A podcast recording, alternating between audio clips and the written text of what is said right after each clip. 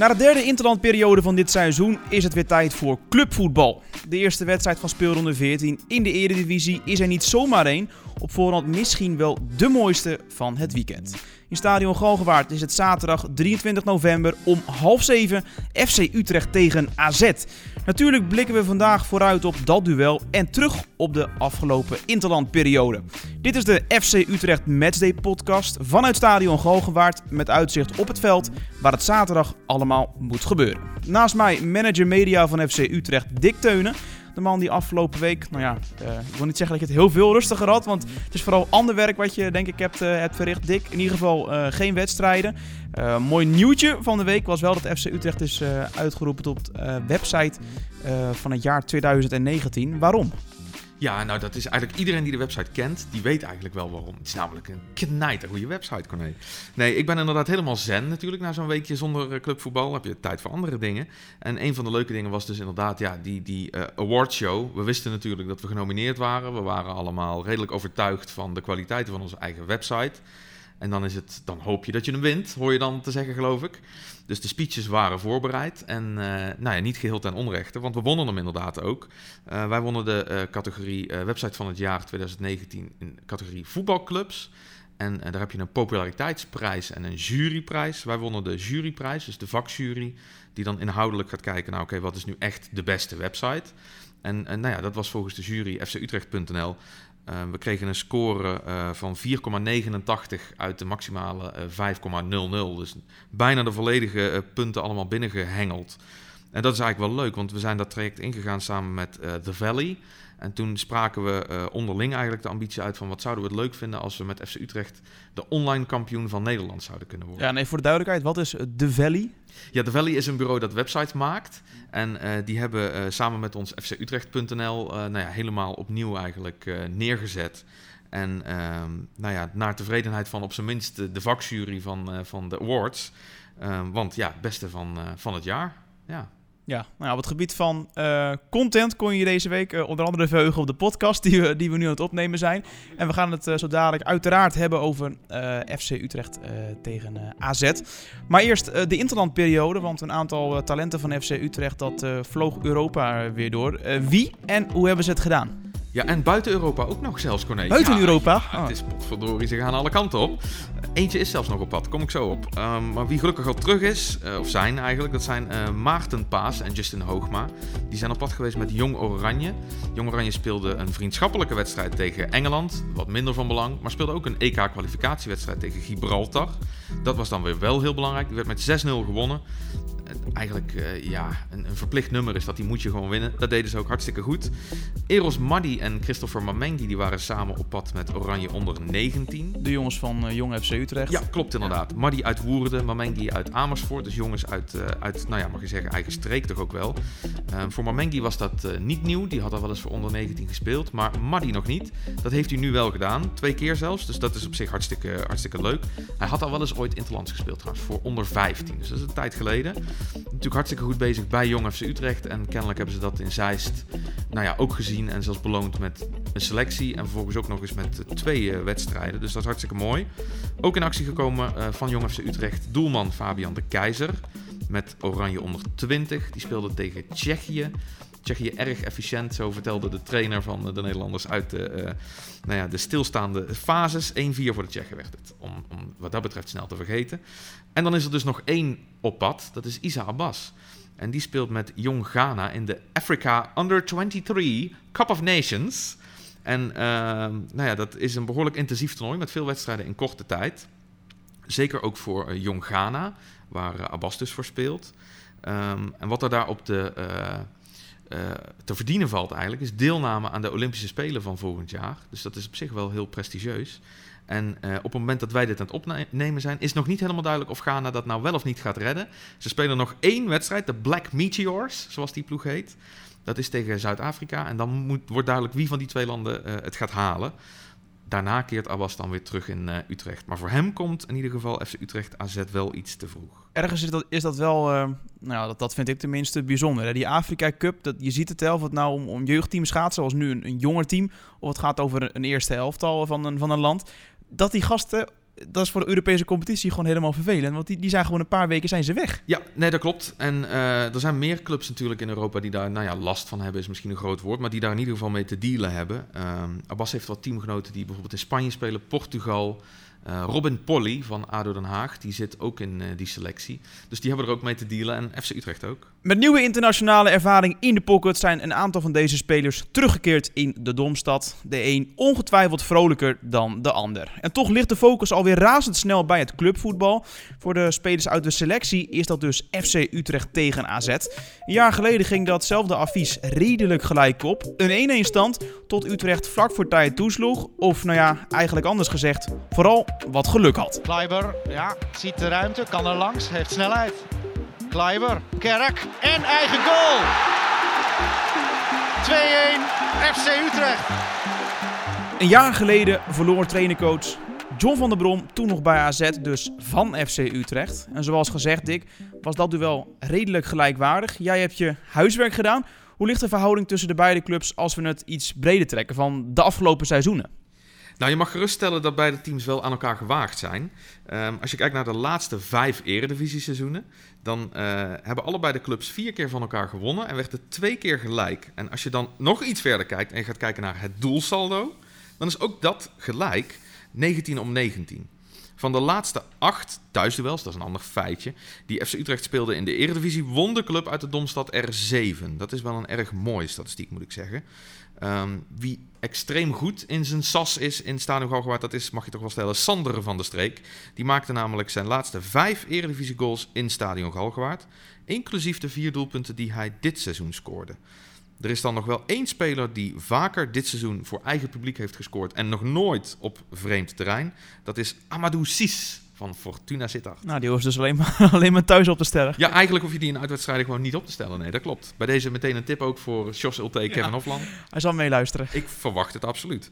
Um, nou, tot slot nog één feitje. Uh, gaan we even wat aantallen oplepelen. Joris van Overeem, die speelde 81 eredivisiewedstrijden voor AZ nu dus bij FC Utrecht actief. Net zoals Adam Maher, en die speelde er 91 voor AZ. Nog vaker voor AZ in de ring kwam John van den Brom dan als trainer-coach. 163 eredivisiewedstrijden. Dat is het meest in de clubgeschiedenis van Alkmaar-Zaanstreek. En uh, hij won 84 eredivisiewedstrijden met AZ. Er was maar één trainer die vaker won met AZ. Dat is Georg Kessler. En die pakte 87 keer de volle buit. Nou, dat, uh, wat betreft die verhouding, dat is helemaal duidelijk. Uh, Super mooi in balans. FC Utrecht en AZ. Ja, en met die van Overheem en Maher en Van der Brom noem je al uh, drie mensen die een link hebben tussen zowel FC Utrecht als AZ. Of een link hebben met de beide clubs. we hebben het nog niet eens gehad over Utrechts paspoort. Normaal introduceren we die redelijk vroeg in de podcast. Nu dus iets later. Korter de tijd voor jou als luisteraar om erachter te komen welke speler we zoeken. Maar Dick, kom erop. Gooi erin. Welke hints heb jij? Ja, we hebben het dus gewoon extra moeilijk gemaakt eigenlijk, wil je zeggen. Nou ja, vooruit. Um, ik ben op zoek naar een voetballer uit Amersfoort. Die heeft gespeeld voor zowel FC Utrecht als AZ. En ik denk dat ik de mensen echt op het goede spoor kan zetten als ik vertel dat hij ook nog een passage heeft gehad in Engeland. Dat was overigens kort en niet zozeer heel krachtig. En actief is geweest in Israël. Nou, later in deze FC Utrecht Matchday podcast dan komen we erachter welke speler jij zojuist omschreef. Nu eerst de voorbereiding op het uh, duel van uh, zaterdag. Want twee personen die hebben een verleden bij AZ. John van der Brom, de trainer-coach, die nog altijd contact heeft met uh, Arne Slot. Eerder zijn assistent in Alkmaar, nu de hoofdcoach in de Zaanstreek. En Adam Maher, die ziet zaterdag twee maatjes, Kelvin Stenks en Myron Boadou. Zij maakten natuurlijk uh, eerder deze week hun debuut voor het Nederlandse elftal. Dat was uh, 5-0, die wedstrijd. Nederland-Estland. Die laatstgenoemde, die scoorde ook. U hoort allereerst Adam Maher. Die zijn ook heel goed bezig. Dus daar heb je al gewoon regelmatig contact mee. Met Owen Wijndal, die nu dan weer in de basis staat. Na afgelopen jaar dan, ja, afgelopen jaar dan niet. Maar daar ben je dan ook vaak in contact mee gebleven. Dus ja, je hebt zo wel eens een paar jongens waar je veel contact mee hebt. Nee, ik heb veel contact met Arne. Uh, we hebben afgelopen week nog een, dubbel interview gegeven met z'n tweeën. Dus uh, dat, dat, geeft aan hoe het contact uh, over en weer met elkaar is. En ja, we proberen elkaar altijd nog op de hoogte te houden van de ontwikkelingen die er zijn. Ik denk dat iedereen wel weet wat hun kwaliteiten zijn. We zijn nu al ver weg in het seizoen. Dus ik denk dat iedereen wel weet wat, uh, wat de kwaliteiten zijn van AZ en waar we pijn kunnen doen. Het is ook interesse over en weer als je, als je redelijk lange tijd met elkaar gewerkt hebt en een bepaald uh, ja, gevoel, vriendschap met elkaar opgebouwd. Lijkt mij logisch dat je dan ook uh, contact onderhoudt. En dat geldt niet alleen voor Arnhem, maar dat geldt met heel veel mensen binnen de staf, binnen de club. Dus dat vind ik alleen maar mooi. We moeten vooruit kijken en nu is het wel belangrijk dat je wel die punten gaat pakken om uiteindelijk wel aanmaak naar de, naar de top. En dan uh, zaterdagavond uh, tegen je oude clubje, uh, dat hebben we eerder gezien. Ja, dus het komt wel goed. Al dus Adam Maher met een zeer brede glimlach. En de wedstrijd waar hij op doelde, dat was natuurlijk FC Utrecht tegen PSV van de interlandperiode van, nou ja, wat zal het zijn, vijf weken geleden. Zeker het benoemen waard voor FC Utrecht supporters. Natuurlijk zo'n moment om te koesteren. En wie weet, Dick, wat zaterdag brengt. En één ding is in ieder geval uh, zeker. Jij komt weer met een uh, mooie FC Today. Um, dus letterlijk gezien hoeft niemand vanuit Stadion Galgenwaard met lege handen huiswaarts te keren. Wat staat er deze keer in, de FC Today? Dit is mooi hoor, Corné. Ja, pareltje. Nee, uh, dat geldt ook voor de FC Today natuurlijk weer. Mooi boekje geworden, al zeg ik het zelf. Er staat onder meer een interview in met Joris van Overeem. Die stond 12 seizoenen bij AZ op de spelerslijst. Hij speelde 11 seizoenen voor AZ. Eén seizoen werd hij verhuurd aan FC Dordrecht.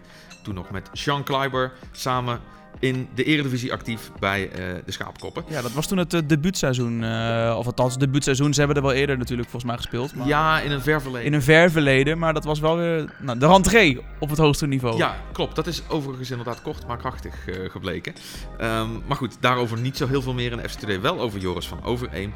Je vindt er bijvoorbeeld ook deze keer een mooie poster in met juichende spelers. Ik heb ze eventjes geprobeerd te tellen. Volgens mij staan ze er, alle tiende veldspelers staan erop.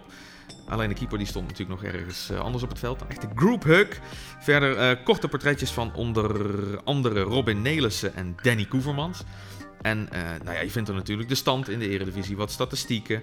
Um, informatie over bijvoorbeeld de kaartverkoop voor de volgende wedstrijden. De fanshop van alles en nog wat. Dus ik zou zeggen, score je gratis exemplaar. Ja, over die statistieken gesproken. Heb je niet net in deze podcast al wat weggegeven? Eigenlijk stiekem misschien eigenlijk al te veel, ja. Vooruit. Maar toch de FC Today doornemen. Nou, voor de mensen die het nog niet op Twitter hebben gelezen of op de website uh, voorbij zagen komen, nu ook gehoord in de FC Utrecht Matchday podcast en dus ook te lezen in de FC Today. Zijn er voor de rest nog uh, dingen waar mensen rekening mee moeten houden uh, voor hun komst naar uh, Stadion Galgenwaard? Bepaalde dienstmededelingen die natuurlijk altijd voorbij komen in deze Matchday podcast. Ja, nou, heel eerlijk gezegd, vond ik het toen we dit format bedachten, dacht ik, nou, ik heb nu wel een paar mededelingen. Ik ben benieuwd of ik de rest van het seizoen altijd nog meer mede te delen heb.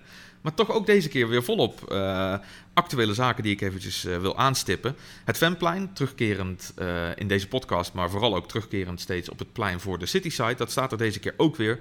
Broekies verhuur zorgt deze keer voor onder meer drie pannenveldjes, voetbal, darts en de enige echte omhaal arena. Jou wel bekend, Corné. Moest je er de vorige keer uittrekken vlak voordat de wedstrijd begon? Hou op, man. ja, ja, ja. Dat hoeven die mensen niet te weten. Nee, maar dat hebben ze wel gezien. Vastgelegd op uh, film. Ja. ja. ook dat ja. nog. Ja. Verder staat er onder meer de uh, supportersdebuut tent. Dat is voor supporters die uh, voor het eerst een wedstrijd van FC Utrecht bezoeken. Namelijk die van tegen AZ. de caravan van de fanshop staat er. Er is muziek, er is gezelligheid. eigenlijk volop weer vertier daar. Is open het fanplein van 5 uur tot 5 voor half 7, oftewel tot 5 minuten voor het begin van de wedstrijd. En die wedstrijd die begint deze keer toch wat anders dan uh, gebruikelijk. Namelijk, en ik ga nu eventjes voorlezen van een blaadje, maar het Nederlands betaald voetbal komt met een gezamenlijk statement tegen racisme. Met de boodschap racisme, dan voetballen we niet, laten clubs uit de Eredivisie en Keukenkampioen-divisie hun afkeer horen tegen discriminatie en kwetsende spreekkoren op de tribunes. De actie is aankomend speelweekend in alle 9 sta 19 stadions te zien. Spelers komen niet in actie in de eerste minuut na de aftrap. Terwijl de boodschap op de reclameborden en de videoschermen in het stadion verschijnt. Deze minuut roept FC Utrecht alle bezoekers van Jong FC Utrecht Jong AZ, maar in dit geval vooral relevant FC Utrecht AZ, op om een minuut lang te applaudisseren. Met deze actie wordt stilgestaan bij de scheldkoren op de tribunes en discriminatie op de Nederlandse voetbalvelden. En het is bedoeld om fans bewust te maken dat voetbal van iedereen is, ongeacht culturele achtergrond, religie of seksuele voorkeur. Nou, laten we hopen dat het uh, bijdraagt aan een iets meer ja, een soort van normalisatie. Wat het als, het, aankomt op uh, waar je ook maar ook vandaan mag komen, waar je ook maar verliefd op mag worden hè, qua geaardheid, uh, allerlei zaken. Dat daar wat normaler over wordt gedaan. Dat is in ieder geval uh, het gezamenlijke streven, denk ik. Ja, ja en uh, ik heb er natuurlijk ook iets van meegekregen. Op het moment dat je nou die eerste minuut gaat applaudisseren uh, en niet gaat voetballen, dan speel je dus met 44 minuten voetbal in die eerste helft. Dat is in principe correct, maar aan die eerste helft wordt dan één minuut extra speeltijd sowieso toegevoegd. waardoor je toch op 45 minuten uitkomt. Ja, en daar komt dan weer blessuretijd overheen. Dan weer blessuretijd overheen, inderdaad. Ja. Kortom, hoe je het ook bent of keert, je ziet in ieder geval de spelers van FC Utrecht en van AZ minimaal een minuut langer op het veld ten opzichte van. Ja, zo is het ook. En um, over uh, verdere mededelingen gesproken. De pendelbussen tussen Utrecht Centraal Station en Stadion Galgenwaard... die gaan normaal gesproken altijd vanaf anderhalf uur voor de wedstrijd rijden. Maar vanaf de wedstrijd AZ thuis, dat is een pilot... gaan ze vanaf twee uur voor de wedstrijd rijden... Die pilot maakt onderdeel uit van een breder traject waarin FC Utrecht werkt aan de verbetering van de dienstverlening van het pendelvervoer. En dat daaraan behoefte is, blijkt uit de supportersonderzoeken die we op regelmatige basis houden. Um, dus vandaar dat initiatief. Iets anders dan, de Bunnik-site in Stadion Galgenwaard. Die wordt binnenkort door bouwpartner Hornbach van FC Utrecht voorzien van een nieuwe laag rode verf. De verf die onlangs op die tribune is aangebracht, bleek niet opgewassen tegen het intensieve gebruik op wedstrijddagen. Ja, dat is heel vervelend. En uh, het moet dus opnieuw gebeuren. En wanneer dat dan precies gaat gebeuren, hangt onder meer af van, heb ik mij laten vertellen door echte verf-experts, de luchtvochtigheid.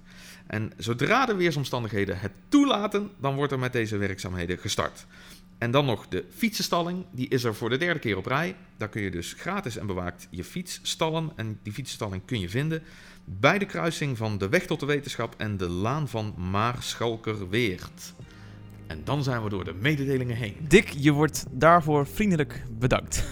Ja, en we hoorden in deze podcast natuurlijk al uh, twee mensen met een verleden bij zowel FC Utrecht als AZ. Middenvelder Adam Maher en trainercoach John van der Bron. In onze rubriek Utrechts Paspoort zoeken wij een speler uh, die uh, ver voor deze mensen ehm, ehm, actief is geweest voor zowel FC Utrecht als AZ.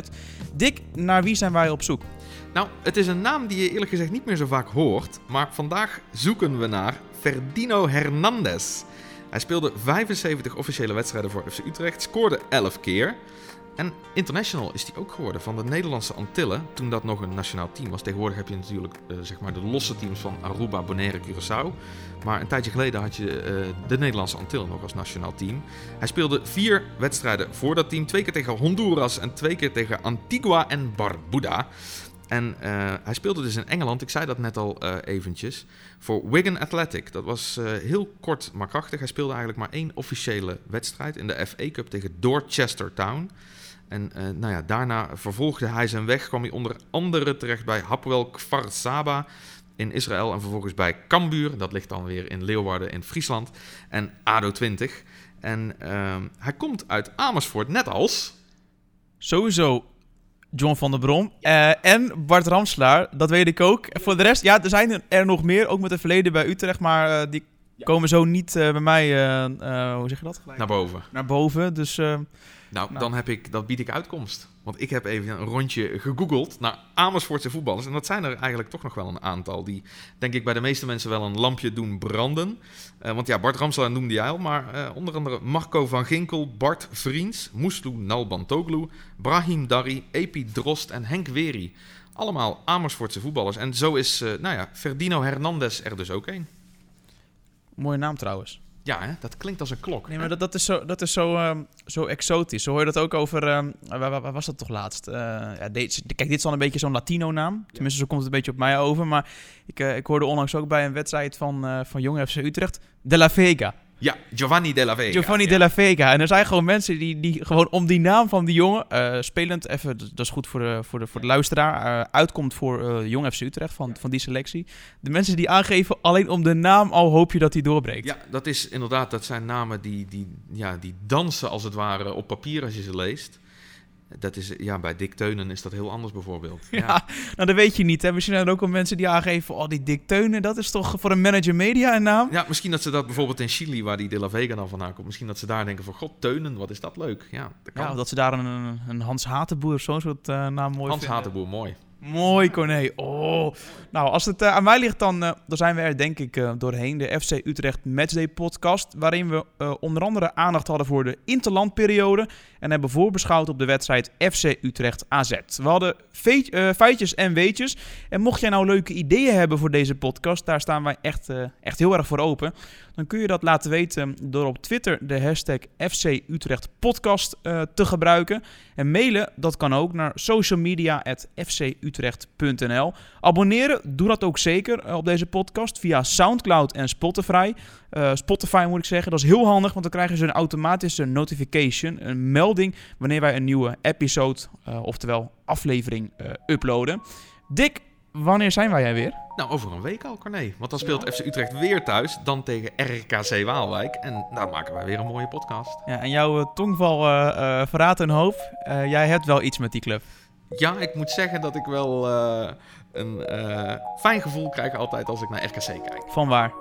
Ja, nou ja, god, dat is mijn persoonlijke voorkeur van vroeger uit eigenlijk. Dus als klein manneke was ik altijd wel uh, op de hand van RKC. Ja. En dan werd jij meegenomen door wie dan ook naar dat stadion? Als ik geluk had, ja. En anders dan moest ik gewoon op de bank Studiosport kijken. Ja. Nou, dat is toch mooi om even, even te benoemen. En dat mag, mag denk ik ook wel. Uh, er is een link tussen Dick Teunen, uh, RKC Waalwijk en dus ook FC Utrecht. Een interessant driehoekje om het uh, in de volgende podcast over te gaan hebben. Maar daarover later meer. Wij zijn er dus over, ja wat is het, over een, week weer. Um, en voor de winterstop, dan zijn we er nog twee keer. Zoals eerder gezegd, de wedstrijd van RKC Waalwijk. Dan hebben we drie uitduels. En op 22 december dan wacht het duel tegen Feyenoord. En even daarvoor zijn we er natuurlijk met uh, een podcast. Uh, vooral over het duel met de Rotterdammers. Dus heel graag tot dan.